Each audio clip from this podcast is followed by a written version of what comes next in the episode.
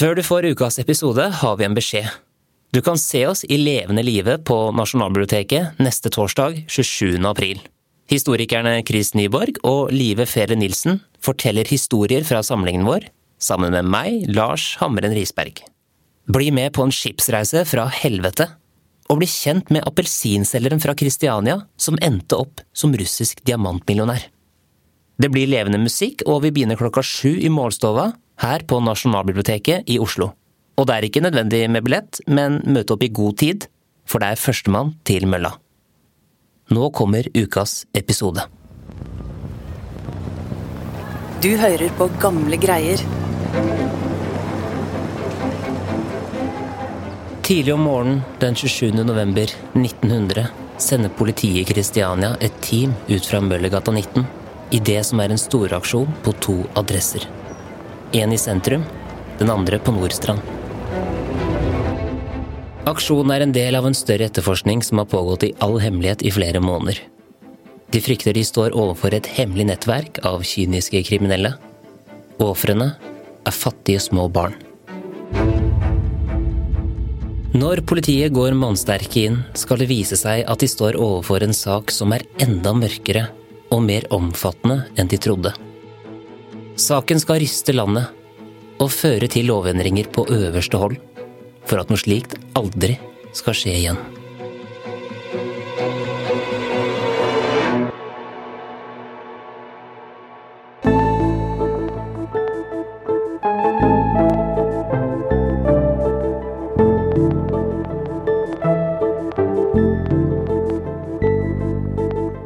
Hører på Gamle greier, en historiepodkast fra Nasjonalbiblioteket.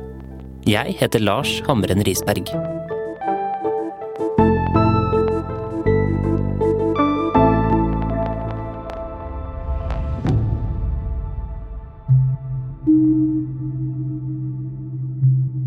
En sommerdag i juli 1900. På hovedpolitistasjonen i Kristiania i Møllergata 19 satt konstablene og jobba da en mann kom inn og henvendte seg i skranken. Mannen fortalte at han var svært fortvila. Han kunne ikke finne sønnen sin. Chris Nyborg, lokalhistoriker på Nasjonalbiblioteket. Konstabelen noterte det som ble sagt. Mannen fortalte at han og hans forlovede hadde hatt svært dårlig råd.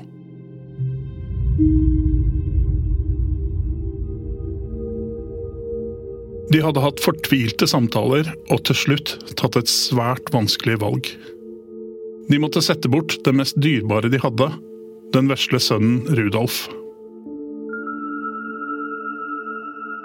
Paret hadde forhørt seg rundt og funnet ei de kunne stole på. Madame Clausen på Strømsgodset, litt utafor Drammen. Etter hvert hadde de fått bedre råd, og de bestemte seg for å hente Rudolf hjem igjen. Men da de kom for å hente sønnen hos madame Clausen, fikk de en overraskelse. Både madammen og Rudolf var sporløst forsvunnet. For politiet var bakteppet i den fortvilte farens historie noe de hadde hørt før. Det var mye nød og fattigdom i hovedstaden, så det var mange barn som ble satt ut til pleiemødre. Enten på det private markedet, eller til pleiemødre som fikk penger av kommunen via fattigkassa. Men at både barnet og pleiemora var forsvunnet, var ikke hverdagskost.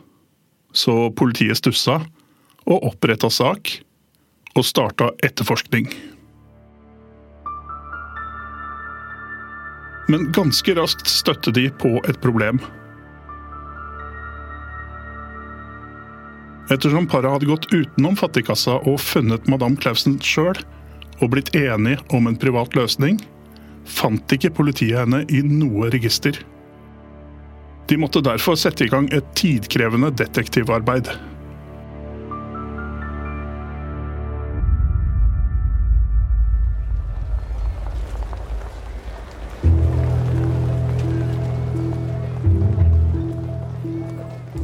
De neste dagene gikk konstabler i mørke, lange jakker med gullknapper og flate politihatter gjennom fattige strøk øst i byen.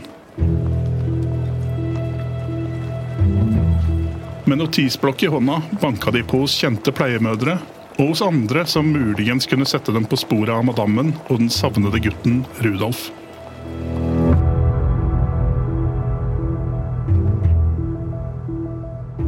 Men politiet sleit med å få ut informasjon om saken. I de trekkfulle trehusene og de falleferdige, tettbebodde bygårdene ble de møtt av mange mistenksomme blikk. Disse folka var nederst på samfunnets rangstige og hadde dårlige erfaringer med myndighetspersoner, og var ikke særlig interessert i å snakke med politiet. Ukene gikk, og jakten på madame Clausen og gutten Rudolf sto på stedet hvil. Det var som å lete etter en nål i en høystakk. Politiet måtte forklare det fortvilte paret at de sleit med å finne sønnen deres. Samtidig kunne ikke etterforskerne leve med at et barn i Kristiania bare forsvant i løse lufta, og de fortsatte etterforskninga. Og sensommeren 1900 fikk de endelig et spor å gå etter.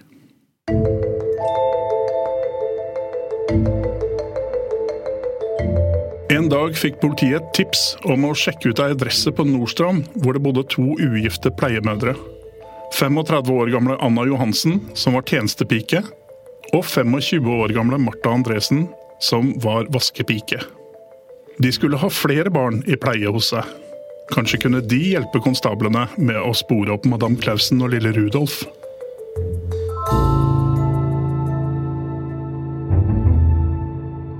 Fra Møllergata 19 dro politiet ut på bondelandet på Nordstrand. Som i kontrast til hovedstaden var et område med småbruk med skigard, husmannsplasser og noen større gårder. De fant fram til rett adresse og banka på.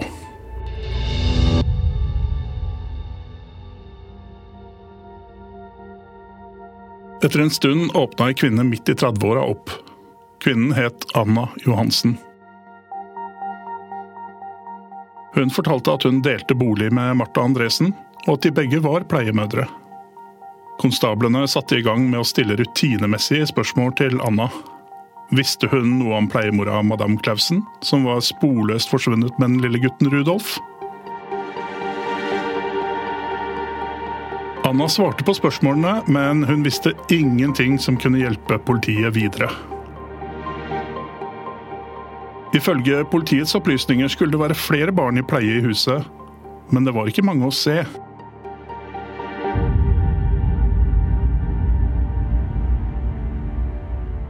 Men mens de sto der, la politiet merke til en liten gutt. Hans utseende stemte på en prikk med den fortvilte farens beskrivelse. Han ligna veldig på den savnede Rudolf.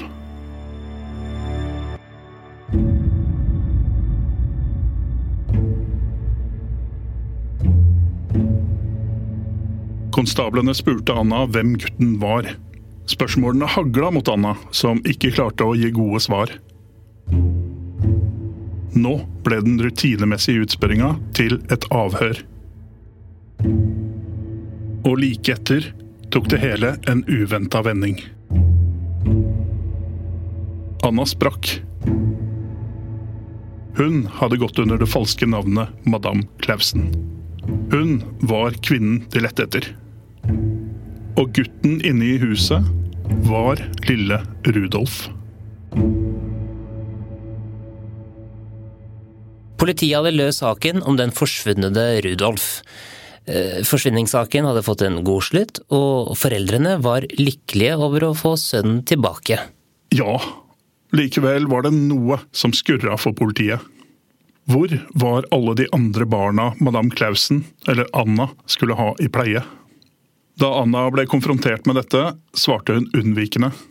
Og da politiet hadde spurt Martha, hadde heller ikke hun noen svar som ga mening. På politistasjonen i Møllergata 19 diskuterte etterforskerne saken. Hvorfor hadde Anna gått under det falske navnet Madame Clausen? Hva hadde skjedd med barna som egentlig skulle være hos Anna og Martha på Nordstrand? Det var for mange ubesvarte spørsmål til at politiet kunne lukke saken, så de bestemte seg for å etterforske videre, uten at Anna og Martha visste det.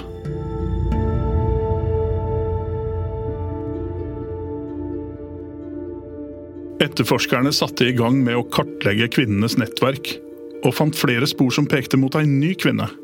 35 år gamle Pauline Olsen, som bodde på Grønland, og som var bekjent av de to kvinnene. Også hun var vaskepike og pleiemor. I tillegg hadde hun to barn utafor ekteskap. Nå hadde politiet tre kvinner i kikkerten.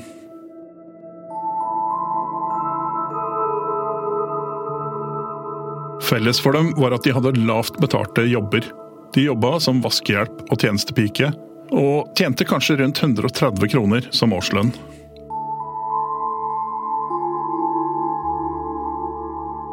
For å spe på inntekten hadde de tatt på seg oppdrag som pleiemødre fra høsten 1899.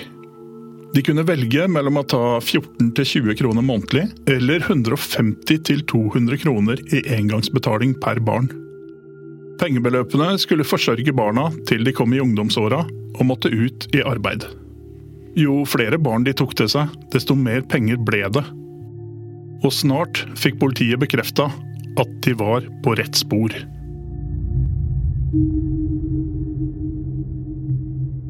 En sjømann og hans forlovede sto foran publikumskranken på politistasjonen i Møllergata 19 og kunne fortelle dette. I ren desperasjon hadde de satt bort barnet sitt til ei pleiemor på Grønland. Da de en tid etter hadde kommet tilbake for å hente barnet, kom sjokket. Barnet var ikke der. Og til parets store frustrasjon svarte pleiemora unnvikende på spørsmålet om hvor barnet var. Da det fortvilte paret oppga navnet på pleiemora, skvatt politiet til. Hun het nemlig Pauline Olsen. Hun hadde samme navn som den tredje kvinna i Anna og Martas nettverk.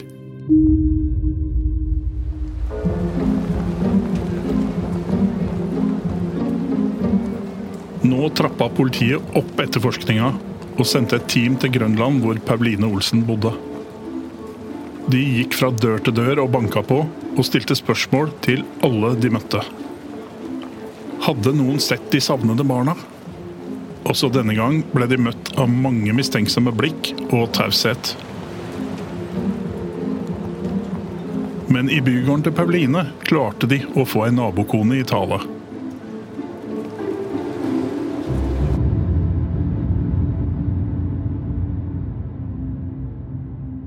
Hun kunne fortelle at de i lengre tid hadde kjent en fæl stank fra en av bodene på loftet.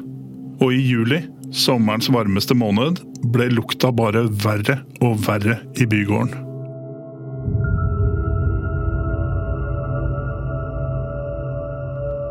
En dag hadde hun snakka med en annen nabokone om hva denne grusomme stanken kunne være. Mens de to diskuterte, så de ei tolv år gammel jente som sto og hørte på praten. Dette var dattera til Pauline Olsen.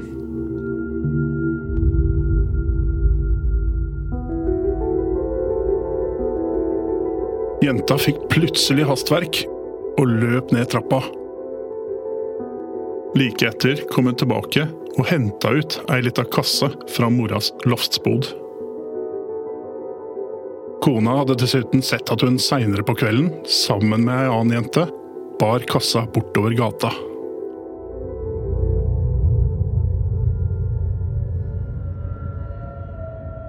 Etterpå fortalte Paulines datter helt åpenhjertig til den ene nabokona noe urovekkende. Det lå to barnelik i kassa som de hadde dumpa på Østre Gravlund. De var lagt der fordi mora ikke hadde råd til å begrave dem, fortalte jenta. Politiet innså at de sto overfor en mye mørkere sak enn de først hadde trodd. I tillegg til påstander om to barnelik, var det pleiebarn som var forsvunnet. Og de frykta det kunne være store mørketall. Nå begynte det virkelig å haste. Det handlet jo om liv og død for små barn. Ja, og politiet kjente adressene på Grønland og Nordstrand. Og det ble avgjort at den 27. november skulle de aksjonere mot de tre pleiemødrene. Ørebladet 3. desember 1900. Oppdagelsespolitiet har arrestert tre pleiemødre pga. deres opptreden overfor barnemødrene og deres behandling av de barna som var betrodd dem.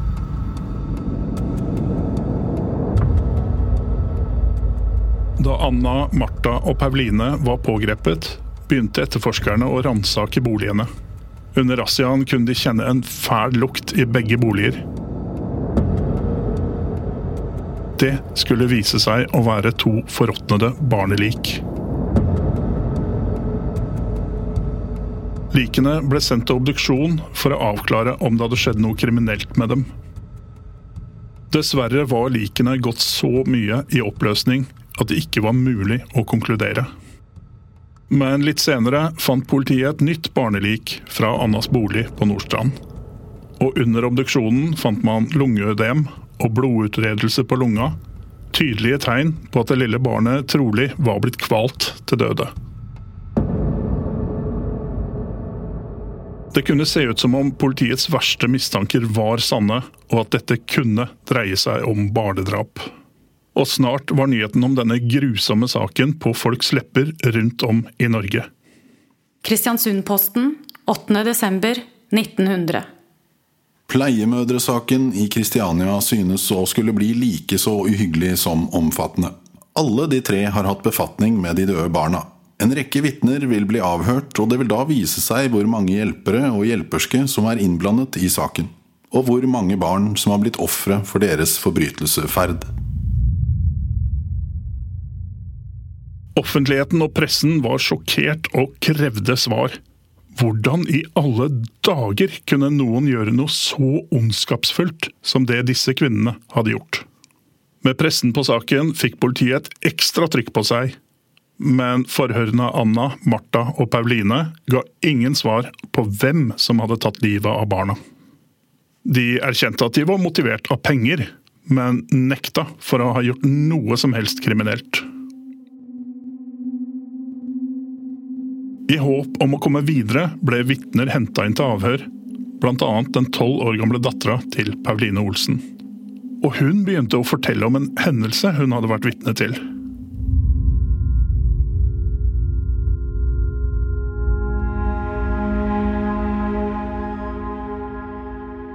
Pleiebarna ble delt mellom kvinnene, og Pauline hadde tatt over ansvaret for et av barna Anne hadde pleid en periode. Lille Astrid Landberg.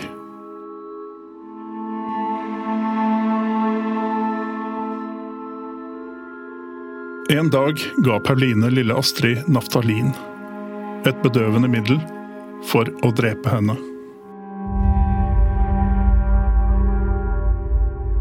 Men da det ikke hadde fungert, fylte hun en vaskebalje med vann. Og da den var full, la hun Astrid på bunnen av balja, helt til hun drukna og døde. Politiet konfronterte Pauline med datterens avhør. Først da tilsto Pauline at hun hadde drept Astrid. Men Pauline ville ikke stå i dette alene. Under tilståelsen prøvde hun å dra med seg Anna, og hevda at det var et barmhjertighetsdrap fordi Astrid var blitt så dårlig hos Anna på Nordstrand. Anna på sin side benekta dette, og uansett hvor hardt politiet prøvde å presse henne og Martha, fortsatte de å nekte. Men så kom etter hvert noen innrømmelser. De hadde gitt ungene bl.a. konjakk, bayersk øl, kaffe, skummamelk og naftalin. Men det var kun for å roe ned de urolige barna. Og dersom ungene skrek, så hadde de lagt puter over ansiktene deres. Men de forsvarte metodene med at ungene de hadde fått, var så syke fra før. Selv om det kun var Pauline som hadde tilstått drap, erkjente Anna og Martha til slutt å ha begått omsorgssvikt til en viss grad. Men de sa at de aldri hadde tenkt å drepe barna.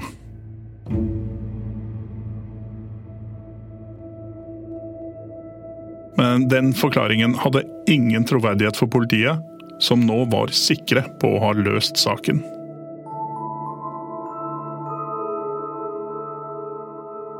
Politiet mente de hadde tatt tre sammensvorne kriminelle mordere som hadde utnytta systemet til det fulle.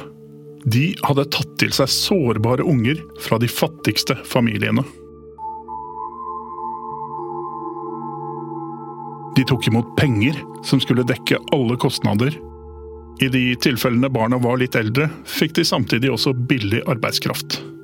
Og i dette lite regulerte systemet mente politiet at kvinnene hadde drept minst 20 barn i perioden 1899 til 1900. Men hvordan skulle de ha klart det? Politiet mente kvinnene hadde klart å skjule barnedrapene ved å spille på generelt høy barnedødelighet på denne tida. Og metoden deres var å ta med seg et barn som hadde dødd naturlig, eller på en måte som ikke vekka mistenksomhet, til en lege som skrev ut en dødsattest. Og så tok de med samme barn til en annen lege, oppga et annet navn og fikk enda en dødsattest. Og slik fortsatte de til de hadde nok dødsattester til å dekke over drapene de hadde begått, eller var i ferd med å begå.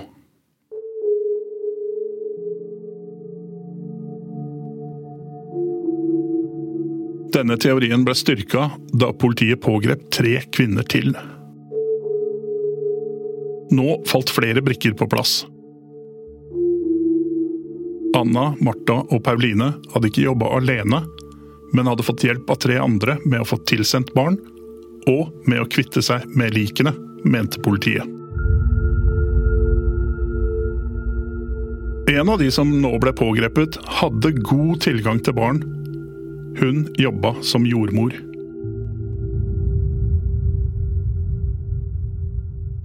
Det må ha vært en stor lettelse for politiet å ha avdekket en så grufull sak som vakte så stort raseri over hele Norge.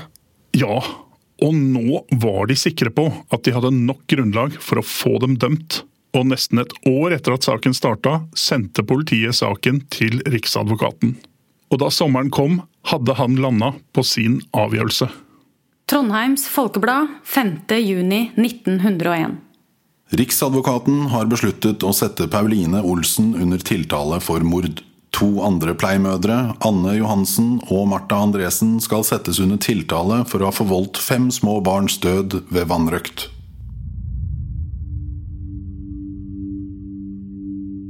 Men så skjedde det noe som skulle forhindre at politiet kom helt til bunns i saken. Kvinnene hadde siden pågripelsen året før sittet i varetekt. Og fengselsvaktene merka særlig at Paulines helse ble forverra. Hun hosta stadig mer og mer, og spiste mindre og mindre. En dag da de gikk inn på cella, var hun så dårlig at det ble tatt en avgjørelse om å sende henne til sykehus. Men det skulle vise seg å være for seint. Morgenbladet 27.8.1901. En av de hovedtiltalte i den kjente pleiemødresaken, Pauline Olsen, avgikk i går med døden. Hun skrantet allerede i varetektsarresten og ble overført derfra til byens sykehus, hvor hun har fått behandling. Med Paulines død sto man igjen med to tiltalte som benektet alt sammen. Så det ble knyttet stor spenning da rettssaken begynte.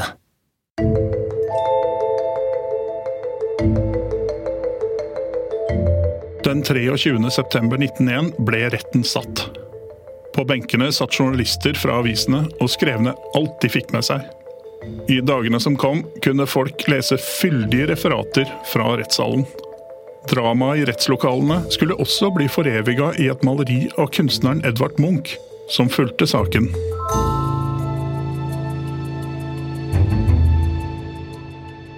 På tross av at det ikke var mulig å slå fast under obduksjonen nøyaktig hva som hadde skjedd med alle de døde barna, og hvor de andre savnede ungene var blitt av, så landa retten på en dom den 1. oktober.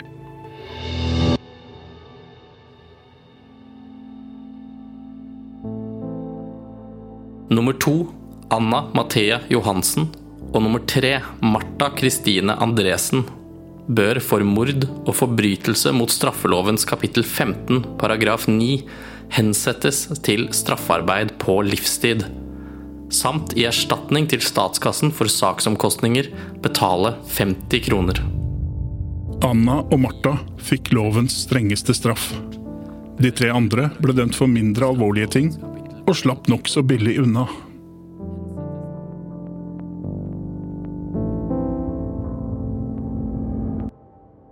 Og med det var de skyldige dømt. Og kvinnene ble i all ettertid kalt englemakerskene, altså kvinner som gjorde små barn om til engler.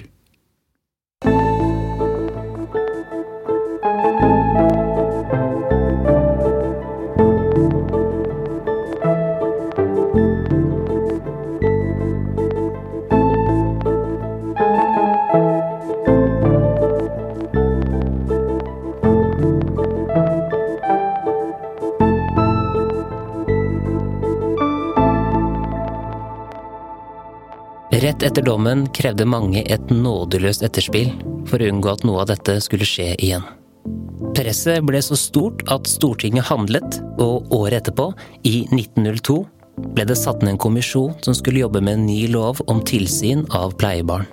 Barna skulle annet bli fulgt opp underveis. Pleieforeldrenes vandel og livsførsel skulle sjekkes. Men det var ikke politisk enighet i saken. Først i 1905 ble lov om tilsyn med pleiebarn slått fast. En svakhet ved den nye loven var at mange paragrafer ble gjort valgfrie. Og så sent som i 1936 var det bare én av sju kommuner i landet som brukte hele loven. Hvor mange andre barn som fikk samme skjebne som de over 20 ungene fikk i saken fra 1900, vil vi dermed aldri kunne slå fast. Du har hørt en episode av Gamle greier. Episoden er laget av Dang Trind, Ina Fjellhøy, Ragna Nordenborg, Chris Nyborg og meg, Lars Hamren Risberg. Takk til Chris Nyborg for kyndig veiledning og uthenting av arkivmateriale. Kilder til episoden var artikkelen om englemakerne, skrevet av historiker og forfatter Aina Basso. Du kan også lese Bassos roman Ungen, som er inspirert av denne saken, i boksamlingen vår på nb.no. Andre kilder var Kvinnelige forbrytere i straffehistorien, et foredrag i regi av Nasjonalbiblioteket, Nasjonalbibliotekets avisarkiv, lokalhistoriewiki.no og artikkelen Dom i pleiemødresaken fra norgeshistorien.no. Musikken du har hørt i denne episoden er fra Epidemic Sound og Therese Aune. Du finner mer av Thereses musikk på thereseaune.com, eller der du strømmer musikk til vanlig. Mitt navn er Lars Hamren Risberg. På gjenhør.